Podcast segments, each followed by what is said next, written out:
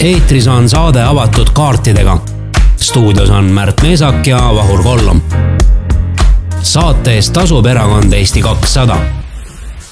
kell on saanud üksteist, mõned minutid peale ka ja saade avatud kaartidega on taas kord teie ees. tere, head raadiokuulajad nagu riigi tasandil äh, menetlevad riigikogu liikmed äh, riigieelarvet, siis äh, samuti ka kohalikud omavalitsused on alustanud oma eelarvete menetlemisega. ja, ja kaasa arvatud siis Lõuna-Eesti suurim linn Tartu ja, ja linna eelarve maht on siis esmase ülevaate järgi kakssada seitsekümmend neli miljonit eurot ja selles on investeeringuteks ette nähtud võtta ka rekordlaen summas nelikümmend üks miljonit eurot jaa, et äh, üks on nagu lihtsalt üks summa väljatoomine, aga minu jaoks on nagu oluline ka selle kasv, et kui aastal kaks tuhat kakskümmend kaks oli laenukohustusi äh, Tartul seitseteist koma üks miljonit, siis see teeb umbes aastaseks kasvuks peaaegu kahekordse kasvu ehk kakssada protsenti ja ma tooks nagu väga olulise paralleeli. miks me võib-olla selle teema nagu rohkem siin nagu lahti tahaksime rääkida või nagu välja tuua, ongi see, et, et kui reformierakondlasest äh, valitsusjuht räägib äh, pikalt juba seda, et, et laenu ei tohiks võtta. Ja, ja see on äh, väga paha ja halb ja tulevikupõlvede arvelt elamine, siis Tartu linn, kellel minu teada on ka reformierakondlasest linnapea juba pikalt olnud. et käitub siis vastupidi, et, et siin tekib nagu küsimus, et, et kumb see siis õigust räägib või milline Reformierakonna seisukoht on, et, et kas laenu tuleb milline siis võtta. õige seisukoht ja, siis on? just, et kas laenu tuleb võtta või ei tule võtta ja kui me läheme veel ajaloos tagasi, siis äh, nii nagu Eesti Reformierakonna juhtimisel pikalt laene ei võtnud, täna on laen kallimaks läinud, ehk me maksame juba intressideks peaaegu kakssada miljonit, millest oleks saanud ju midagi muud teha, siis ka see juhtub ju tegelikult ka Tartul. et kui Andrus Ansip oleks omal ajal äh, linnapeana võtnud äh, õigel ajal laenu ja teinud need asja, vajalikud asjad ära, mida praegu tahab siis praegune linnapea teha. siis tõenäoliselt oleks need kordades, kordades odavamad olnud ja tänase selle raha eest, mis siis laenu võetakse, saaks ju veel midagi rohkemat teha. ja, ja äh, opositsioon ehk ka erakond Eesti kakssada on väga selgelt öelnud, et äh, et Tartu on üsna suure riski võtnud ja aluseks võetud rahandusministeeriumi optimistliku prognoosi, mis lubavad majanduskasvu äh,. ei pruugi nagu päris paika pidada, no eelmises saates rääkisime me ka ju hinnatõusust ja, ja ka ostujõu vähenemisest, et need on kaks päris sihukest olulist asja.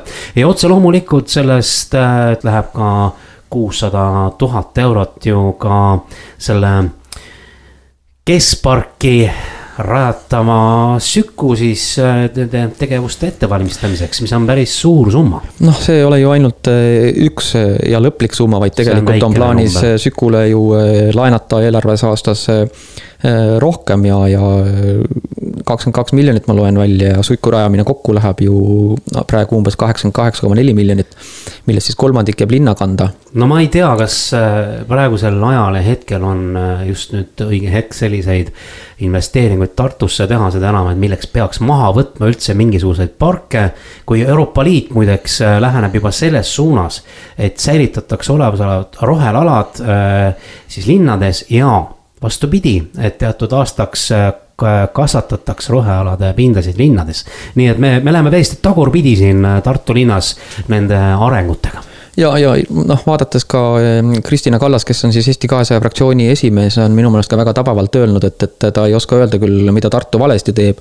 aga Süku on praegu nagu suur elevant keset eelarvet, mis võtab hinge kinni ja see on täielik hullus, et nad ei ole ikka veel seda väiksemaks võtnud, et ma arvan, et see võtab jälle kokku natukene ka sellise reformierakondlikust juhtimisstiili, et, et kui mingi asi on pähe võetud, siis seda nagu nui neljaks kindlasti peab ära tegema.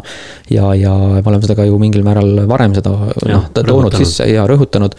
et äh, ka oma eksimusi tuleks nagu tunnistada, eriti veel, kui me näeme, et, et on kriisid ja noh, on ju julgeolekukriis, mida ka ju Reformierakond kogu aeg räägib, et julgeolek on oluline. ja samaaegselt siis Tartu linn selle asemel, et võib-olla investeerida varju, varjenditesse ja mm -hmm. tsiviilkaitsesse, see miljonid, mida nad laenu võtavad, ehitatakse Süku, mida noh, praktiliselt tänases olukorras. nüüd küll ei karju, kas ta tuleb täna või homme. no sellega võiks natuke oodata ja, ja ma loomulikult keskparki ei peaks seda ka ehitama, aga täna tuleb mõelda ka sellele, et äh, meil on ülikõrge inflatsioon, hinnatõus ostujõud väheneb äh, ka noh, kas näiteks tuua kultuuritöötajate palga või üldse ametnike palga, kes ähm, teevad võib-olla lasteaia näiteks kasvataja palk on ka ju väike ehk siis äh, võib-olla on mõistlik äh, täna suunata eel, linna eelarvest raha ka nende palgatõusuks. ja loomulikult noh, linnapea palk ju tõuseb jälle kosmosesse ära, et neil on ju kõik hästi. aga just need nõrgemad lüli vajavad tuge just ja, ja noh, ka selle eelarve teemale veel tagasi tulles, et äh, minu teada on äh, aluseks võetud seal väga optimistlikud rahandusministeeriumi prognoosid äh, järgmisteks aastateks, aga kui me kujutame ette, et need prognoosid ei täitu, see tähendab seda, et linnal on ju miinused. ja, ja tähendab, jäävad ju veel mingid asjad rohkem ja rohkem tegemata ja, ja siis tuleb hoopis välja, et me oleme laenu võtnud äh, püsikulude katteks, mida Reformierakond ju kogu aeg viibutab näppu, ütleb, et seda ei tohiks teha. aga Tartus ta siis seda lõpuks siis nagu kaudselt äkki teeb. et äh, noh, mul, mul on siin natukene selles mõttes nagu raske aru saada, et, et mida nad siis nagu ajavad, et äh, tundub, et kus tuul seal meel, et, et vastavalt olukorrale räägitakse siis sobilikku juttu lihtsalt valijale. no see on üks asi ja teine asi, kui me räägime riigi tasandist äh, ja riigieelarvest, siis äh, siin eelmistel aastatel ju mängiti sellele, et mängiti suuremale maksude laekumisele küll aga tänasel päeval väga ei tasuks seda prognoosida, kui on meil siin hinnatõus suuremat sorti ja ostujõu langus. et see kõik kokku võib hoopis teatud lumepalliefekti tekitada ja, ja riigi tulud võivad järgmisel aastal hoopis väheneda. no just ja kutsuda inimesi on ju tarbimisele praegu rohekriisi ja kõige muu taustal on ka nagu irooniline on ju, et, et. et see kõik kokku pannes siis kuidagi nagu sellised vastandlikud signaalid tulevad valitsusparteilt kogu aeg, et et võtame ennast kokku ja, ja räägime ikkagi nagu äh, sisust rohkem ja, ja vähem loosungitega, et, et äh, see oleks see sõnum. jah, aga ma mäletan, et mingis saates äh, me ei suutnud ära öelda, palju on näiteks Tartu linnapea palk no nii, nüüd aga nüüd, nüüd ütleme raadiokuulajale ära, et äh, hetk tagasi oli või ütleme, et veel on siis kuskil neli tuhat viissada eurot, aga järgmise aasta aprillis, esimesel aprillil, see ei ole kallid raadiokuulajad, üldse nali. tõuseb linnapea palk juba seitsme tuhande euro peale, nii et vaadake, milline palgatõus on siis äh, preemiana tulemas äh, kõikidele võimulolijatele. tänu sellele, et äh, meil on suuremat sorti inflatsioon olnud ja ka ütleme, et sel aastal on ka olnud üsna hea selle sotsiaalmaksu laekumine. ja samaaegselt on ju siis, me teame, et, et nii kultuuritöötajad kui lasteaiaõpetajad võitlevad Tartu linna eelarve eelarvest endale palka juurde, et saada kas tuhat eurotki kätte, on ju, või, või riik üritab kehtestada no, siin. räägime ka nendest inimestest, kes ei ole ametnikud, et. Äh, ma just tahtsingi rääkida sellest, et kui. üritavad ja, kuidagi kokku tulla. just ja, ja samaaegselt äh, jälle juhtiv ju peaministripartei ja koalitsiooni üks osapool räägib. ehk siis sotsid räägivad miinimumpalga tõstmisest, on ju, kuigi riik ise ei suuda neid palkasid välja maksta, et kus see ettevõtja siis selle raha võtab, et ta suudab mm -hmm. need kõik välja maksta. et noh, siin on jälle selline natuke potjomkinlus on ju, et, et ühtepidi me nagu ütleme ja nõuame, teistpidi me ise nagu ei tee tee. ja, ja, ja väga ohtlik tendents olekski ju see, kui ikkagi riigisektor kogu aeg seda palgasurvet nagu üle, üleval veab, et see erasektor lihtsalt sureb välja, sest ta ei jõua sellega kaasa minna. kui kogu aeg muudkui ametnike palgad tõusevad, linnapeade palgad tõusevad, sellega tegelikult no, tuleb. veavadki seda keskmise palga rallit. just, sellega tuleb, sellega tuleb ju surve õpetajatele ja politseinikele, mis on arusaadav, sest hinna, hinnad lähevad ülesse, aga ettevõtjal ei ole seda kuskilt nagu kassast niimoodi võtta, et sa tõstad ühest eelarvereast teisele, mida ju valitsused ja, ja linna Äh, sellest ei saada aru, et äh, tänases olukorras äh, tootmissisendite hinnad on ka ju tõusnud. ja kui keegi siin rääkis ka miinimumpalga tõusust, siis ettevõtted ei suuda seda nõuet täita niimoodi, kui seda niimoodi jõuliselt tõstetakse, et. mõni suudab, mõni mitte, see sõltub ka olukorrast, aga see sõda siinsamas Euroopas, tooraine puudus ja hinnatõus, see mõjutab väga oluliselt äh, ettevõtjaid ja kes siis maksavad lõpuks äh, riigile makse, ongi ju ettevõtjad. noh, ja, ja lõpuks ka ju toiduainetööstused on ju, et kui peaminister siin ka viima-, ühes intervjuus ütles, et põllu, põllumehel peaks ju hästi minema, et piima hind on ju tõusnud. ja, ja poel peaks ka hästi minema, et inimesed ikkagi rõõmsalt tarbivad ja ostavad. et siis noh, toiduainetööstustel tõenäoliselt vist hästi ei lähe, aga noh, kus oleks no,, sealt intervjuust ei tulnud ühtegi lauset, et mida siis Eesti Vabariigi valitsus Kaja Kallase juhtimisel on teinud, et toiduainetööstustel nagu nagu äh, selles kriisis nagu ellu jääda või, või normaalselt läheks. selleks ei olnud, see lihtsalt oli taaskord jälle võrdlus, et äh, teistel naaberriikidel on ju veel halvem, et. noh, see Lätiga võrdlemine nüüd on nagu alati hästi tore, et, et äh, kui, kui võrreldakse nagu mingisuguseid selliseid no ju kellegiga võrrelda. halbu asju siis võrreldakse nagu sellega, kui häid asju, siis võrreldakse, et näed, me olemegi Soomele järgi jõudnud, on ju, kui on hea asi, kui nemad nagu tunnevad, et nad on seda teinud. aga viie, viie rikkama riigi hulgas me ei ole endiselt. no miks ei ole, meil inflatsioon oli oli number üks oleme ju. selles mõttes jah. oleme ju, me oleme Aga kõik ellu, elus. sa mainisid korra siin ka toiduainete tööstust ja tänases saates annab meile intervjuu ka Eesti Toiduainete Tööstuse Liidu ehk Toiduliidu juhataja Sirje Potissepp. Läheme nüüd aga väikesele pausile raadiosaade avatud kaartidega on Raadio Ring FM eetris neljapäeviti kell üksteist. ühiskondlikel ja aktuaalsetel teemadel arutlevad Märt Meesak ja Vahur Kollom oleme nüüd väikeselt pausilt tagasi ja järgmine teema, millest me rääkima hakkame või kaardi avame, on toidujulgeolek ja Märt, oled sa tähele pannud ka, kui sa poes ringi käid, et need, needsamad saiad, leibad või pakendid on äh, muutunud natukene õhemaks, aga hind on jäänud samaks no hästi, kui hind ju samaks jäänud on, on ju, et tarbijale meeldib, kui hind ei tõuse. ja loomulikult, et ähm, noh, ma saan ühtepidi ka toiduainetööstustest aru, et, et äh, tarbija on hästi hinnatundlik ja, ja praeguses kriisiolukorras ju äh, enam kui võib-olla varem, sellepärast et äh, inimeste rahakotti jääb ju vähem raha ka tänu sellele, et ka nendel, mitte ainult siis ju tootjatel on elektri hind kallim või gaasi hind kallim. et selles mõttes ma saan aru, aga, aga jah, tõesti ega me liigume olukorda, kus äh, odav kaup hakkab võidukäiku tegema ja, ja kindlasti mingil hetkel võib see mõjuda ka inimeste tervisele, et, et kui me peame nagu odavat kaupa sööma, mis ei ole tervislik. Ja, ja tendents on ju päris nukker. Või kuidas sulle tundub? Äh, on nukker küll ja eks ju äh, tänases olukorras me loeme ju raha ka rohkem, et mida me sealt äh, poest korvi paneme ja olemegi sunnitud tegema hoopis teistsuguseid ostuseid. Ja ega toiduainete tööstusel ka ju elu kerge ei ole. No vot, just, et ei ole, et, et ma olen siin vaadanud ka natukene maaeluministeeriumi tegevusi. et, et maaeluministeerium peaks olema siis see ministeerium Eesti Vabariigis, kes ju äh, toidu ja põllumajanduse eest seisab, et nimi on küll natukene uhkem, ei ole enam põllumajandusministeerium.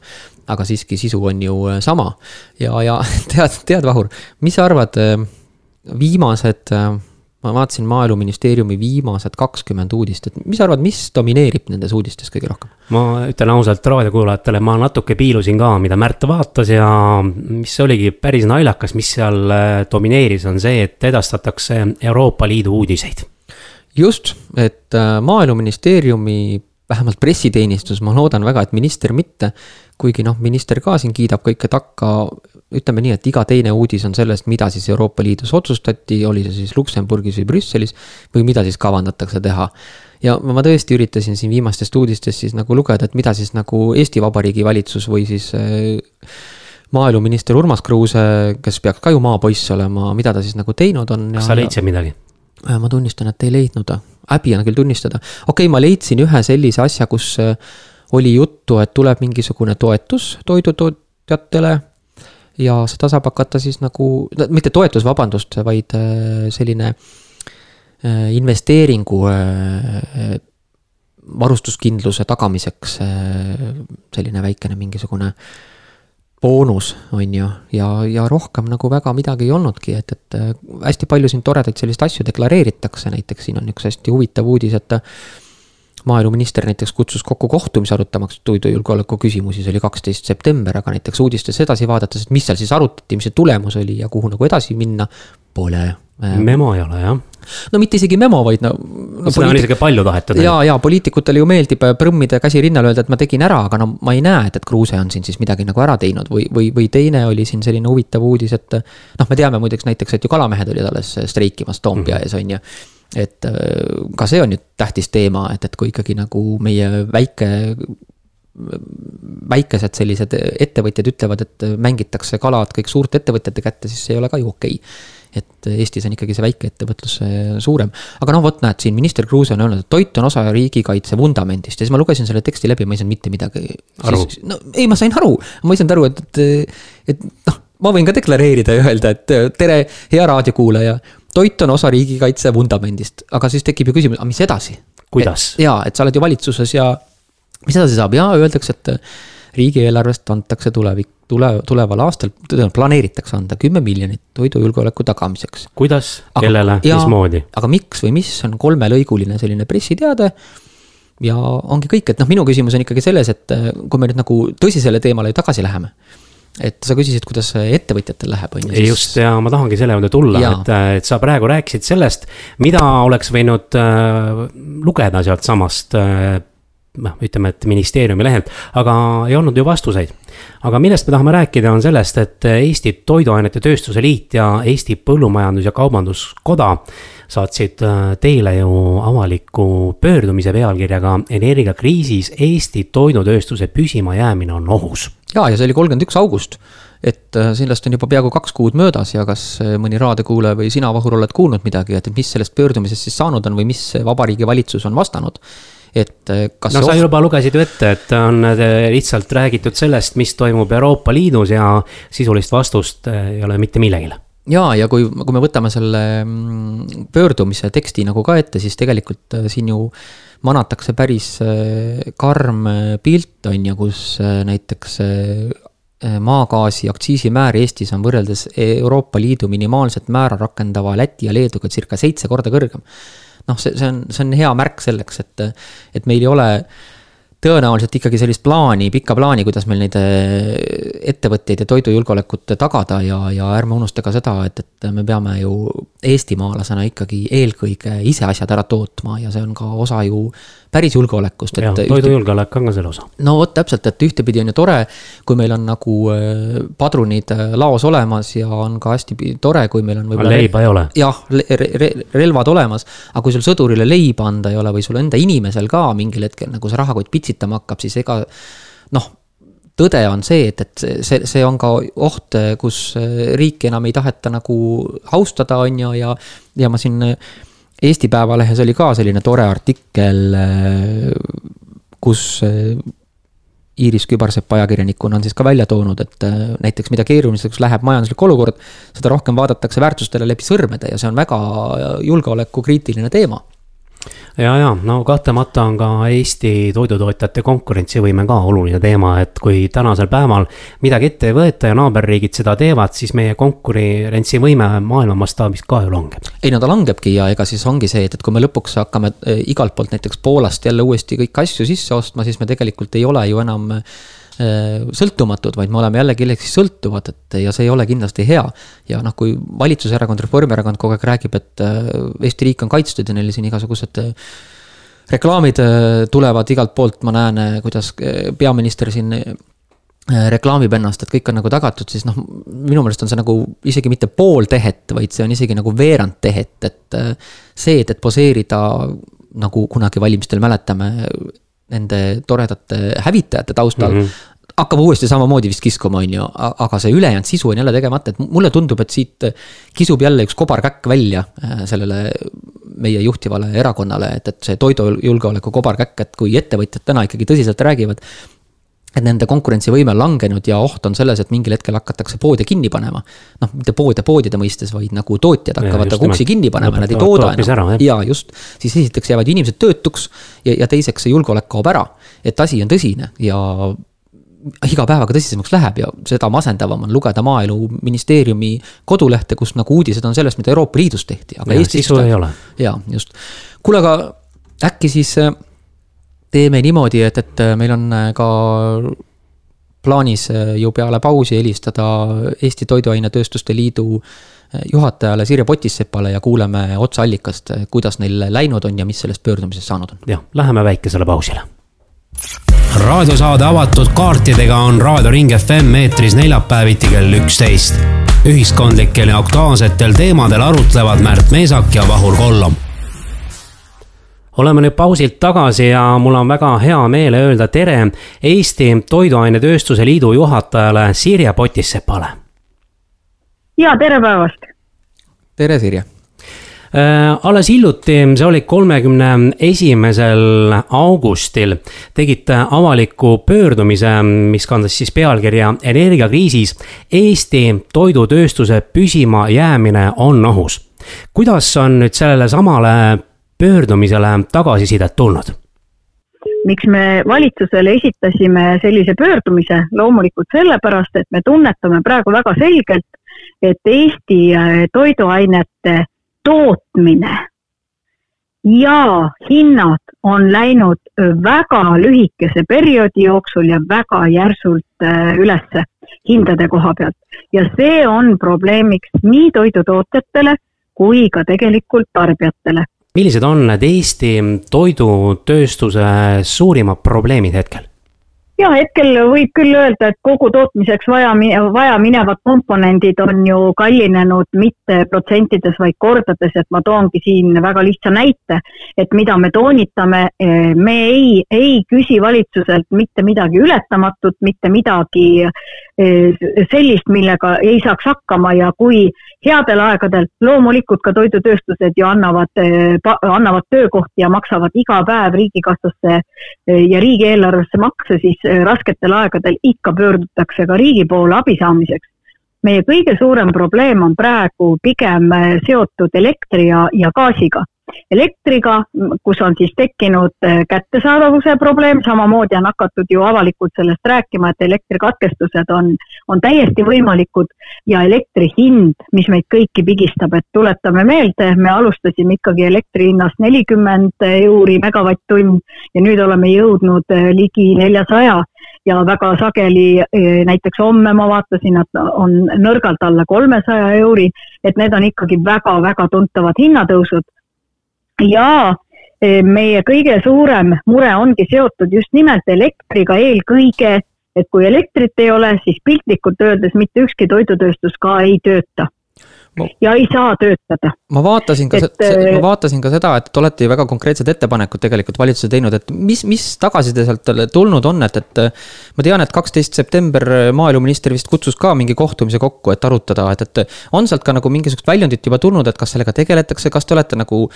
saate rahulikumalt õhtul magada või mis nagu edasi saab, et mitu kuud läheb muudkui, kuud lähevad, aga tulemusi nagu meedias vähemalt küll kuulda ei ole kindlasti ei saa me õhtul rahulikumalt magada ja kindlasti meie ettevõtjad ja meie ettevõtete juhid on äh, väga ärevil ja, ja tunnevad äh, väga suurt ebastabiilsust, mis on ju ühtepidi võib-olla loogi-, loogiline ja loomulik, aga tegelikult riik saaks toidusektori jaoks ära teha märksa rohkem, kui ta siiamaale on teinud ja alustame sellest, et me tõepoolest tegime ettepaneku kehtestada elektri hinnale ja gaasi hinnale hinnalaed.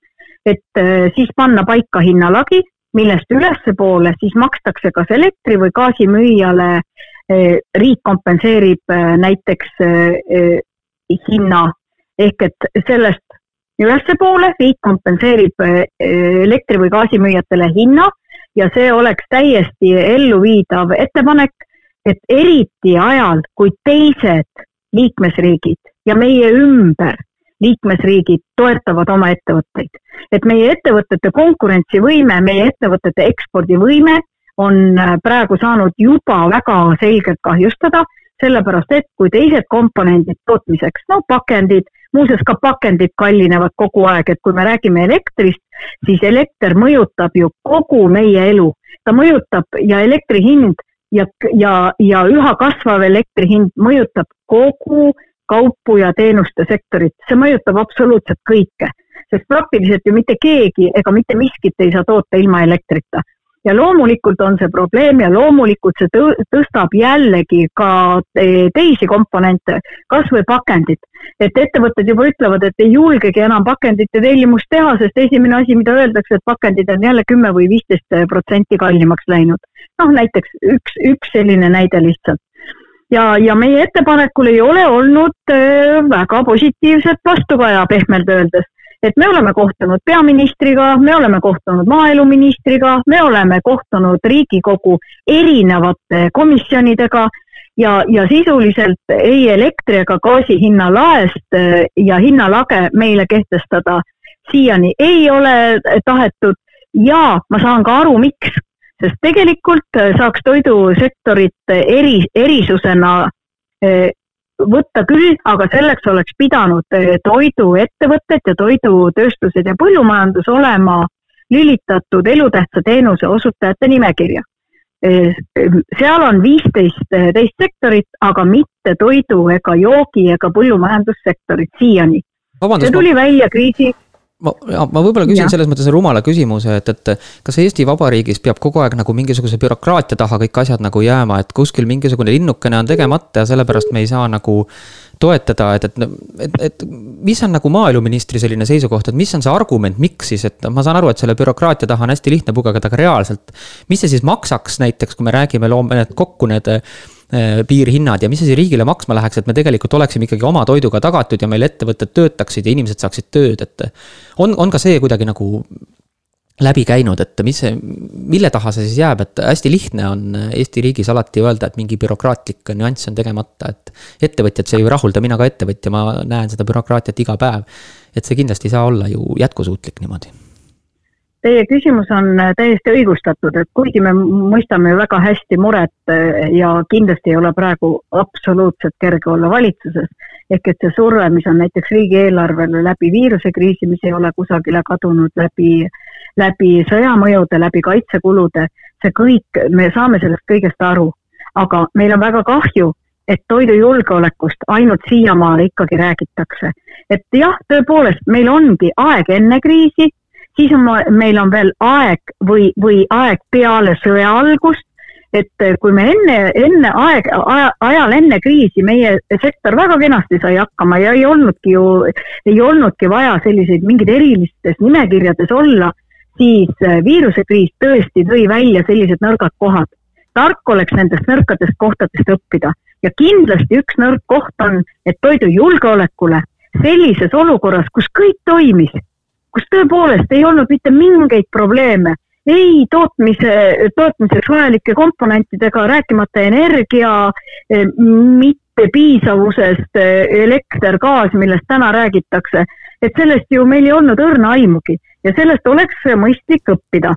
miks seda tehtud ei ole, mul on väga raske öelda, et me ei ole saanud tõepoolest oma sektori mõttes eh, väga positiivseid vastuseid ja meie sektorit ei, ei käsitleta erisusena, aga toidujulgeolek on üks valdkond millele tuleks ikkagi väga-väga tõsiselt ja, mõelda. siin me täiesti selleks... nõustume, aga mul tekkis ja. ka väikene uudishimu kohe, et kui te käisite ja tutvustasite oma avalikku pöördumist, oma probleeme Äh, te ei saanud nagu äh, vist äh, õigeid vastuseid või vastatudki, aga mida teile siis selle peale öeldi, et oma ettepanekuga nüüd lauale, no lauale panite? No gaasi ja hinna, gaasi ja elektri hinnalae osas ei öeldud meile pehmelt öeldes mitte midagi, mitte midagi mõistlikku, vähemasti mitte, toodi, toodi näiteks mm, hoopiski välja tõsiasi, et Lätis ja Leedus on elekter veel kallim, aga kui me võtame Läti ja Leedu gaasi hinna, siis seda ei anna paraku Eesti gaasi hinnaga mitte kuidagi võrrelda. E, on ära unustatud, et kõik aktsiisid, mis on vähegi võimalik kehtestada elektrile, gaasile, mootorikütusele, on Eestis kõige kõrgemad aga see ju kõik mõjutab meie ettevõtete konkurentsivõimet. Ehk et tahet äh, mingit hinnalage ja, ja tööstustele kehtestada ei olnud. Ja ma saangi väga hästi aru, et ei saagi kehtestada lihtsalt niisama teatud sektoritele. õigemini saab küll, aga selleks peab olema väga suur tahe. Ja, ja kahjuks mina näen praegu seda, et valitsusel toidusektorit eristada lihtsalt teistest sektoritest ei ole tahet. Ei ole tahet.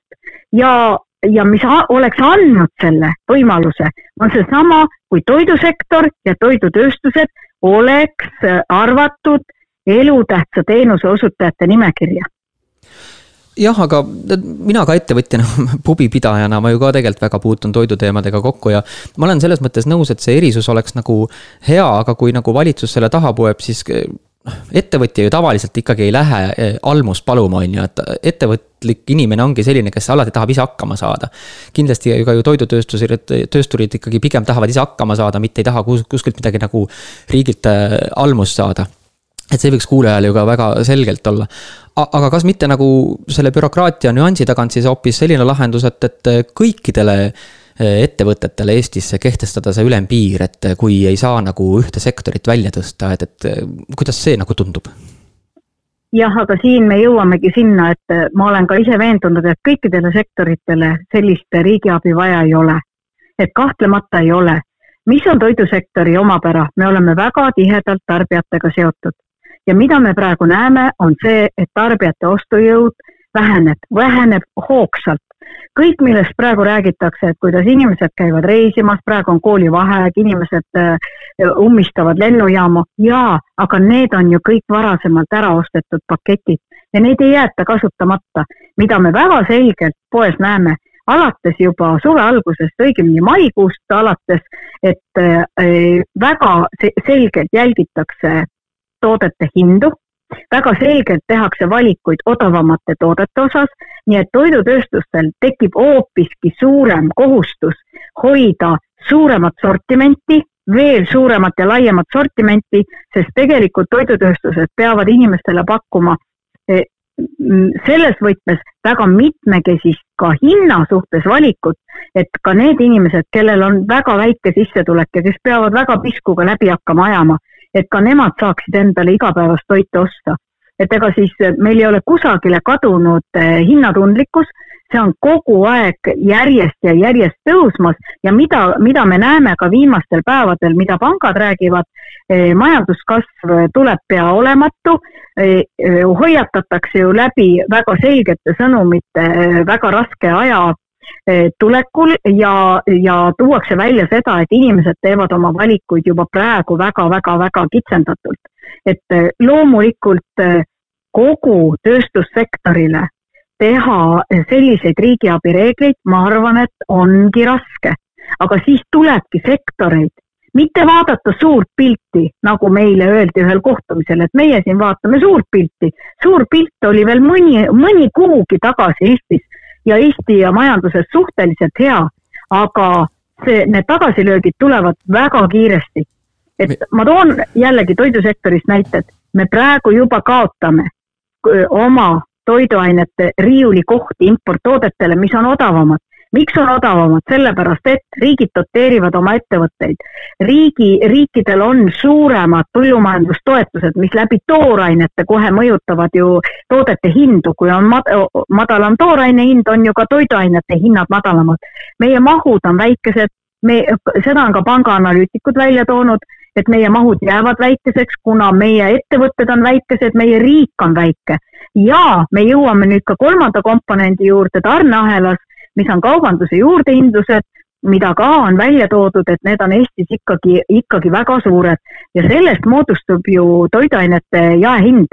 Ja jaehind mõjutab väga tugevalt kõiki tarbijaid väga hea, et äh, minu meelest just see suur pilt minu silmis just tähendakski seda, et, et äh, suure pildi äh, vaataja peaks ju aru saama, et, et kui me ise toitu ei tooda ja aina rohkem impordime, siis see, see suur pilt hakkab just hägunema ja julgeolek hakkab ju pigem just nõrgenema, et, et minu jaoks on see nagu suur pilt. aga ma toon nüüd üldse ühe sellise võib-olla huvitava korra nüansi siia sisse, et, et kuidas toiduainetööstused vaataksid sellist asja, et ma tean, kui ma nüüd ei eksi, Poola näiteks on seda jõuliselt rakendanud oma toiduainetööstuste selliseks nagu siseturu tagamiseks, kus toiduainete käibemaks on noh, kordades vähem kui võib-olla muudel asjadel, et, et kas see oleks nagu mingi abimees, noh, tarbija jaoks ta kindlasti oleks. etteheited on siin, ma tean, vast-, vastastel selline, et, et siis toiduainetööstused võtavad selle vahe endale, hinnad ei muutu, on ju. aga noh, see on ka nagu minu, minu silmis selline imelik vastus, et ühtepidi on ju hea, kui kriisis ettevõtja saab rohkem raha, ta jääb ellu ja toodab ju rohkem või, või mis sellega seoses teil mõtted on? Jah, kindlasti käibemaksu alandamine Eestis on ju teatavasti üks kõrgemaid käibemakse Euroopa Liidus.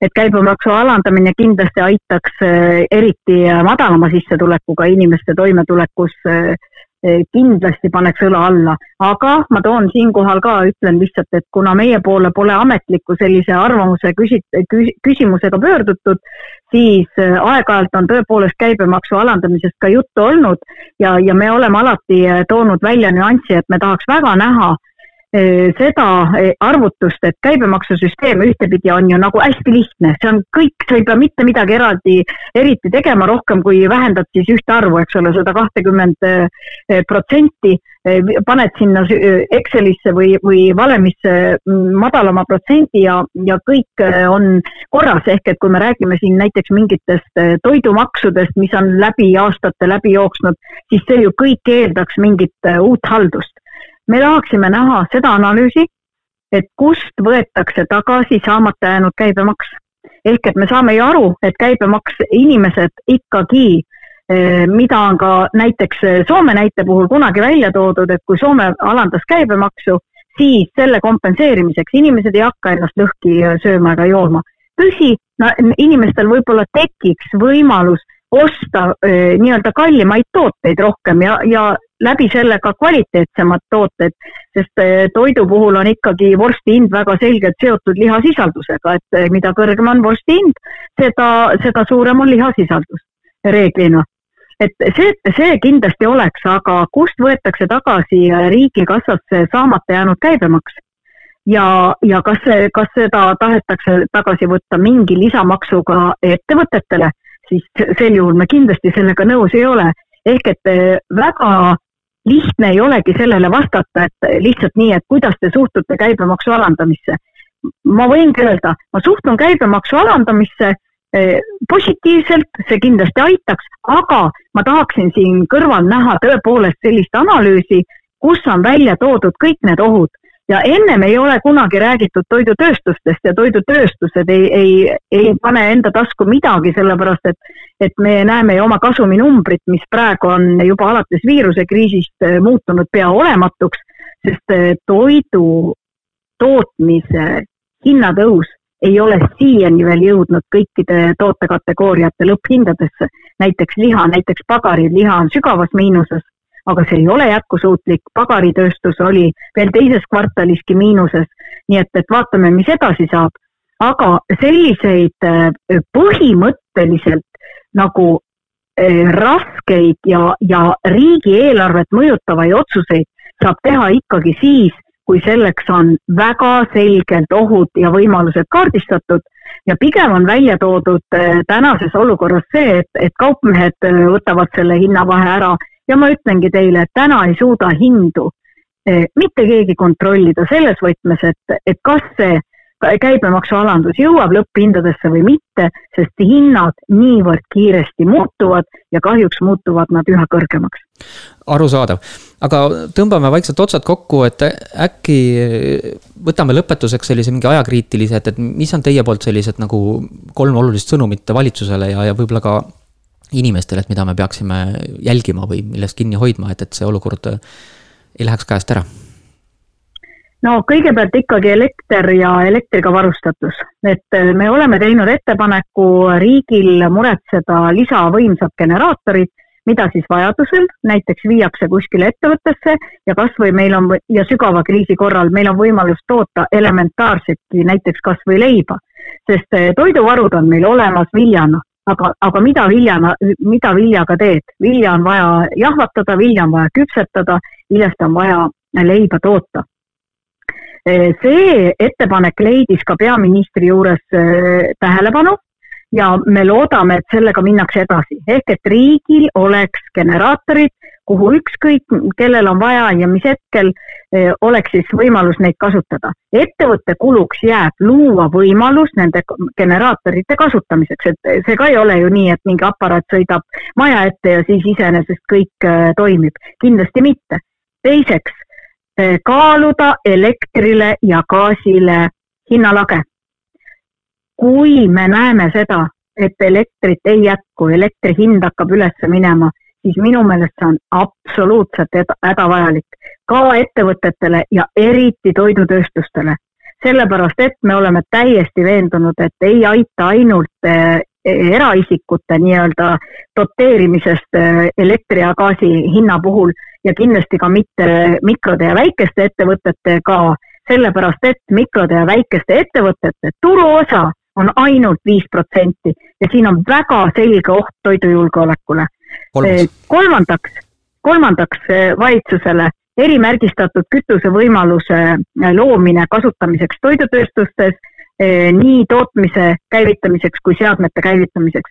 isegi seda vähest ei olnud tahet meie, meie riigil teha et kas see ettepanek ei leidnud kinnitamist, mis oleks riigieelarvest võtnud mõned miljonid, mis on, mis on võrreldes riigieelarve muude summadega täiesti tühine summa, aga see oleks andnud toidutööstustele mingigi lisatrumbi tasku, et kui ei ole gaasi, kui ei ole elektrit, on vähemasti mingigi võimalus, mingigi võimalus tootmisi hoida elus ja, ja toota ja tarbijatele on, on mul ainult üks sõnum.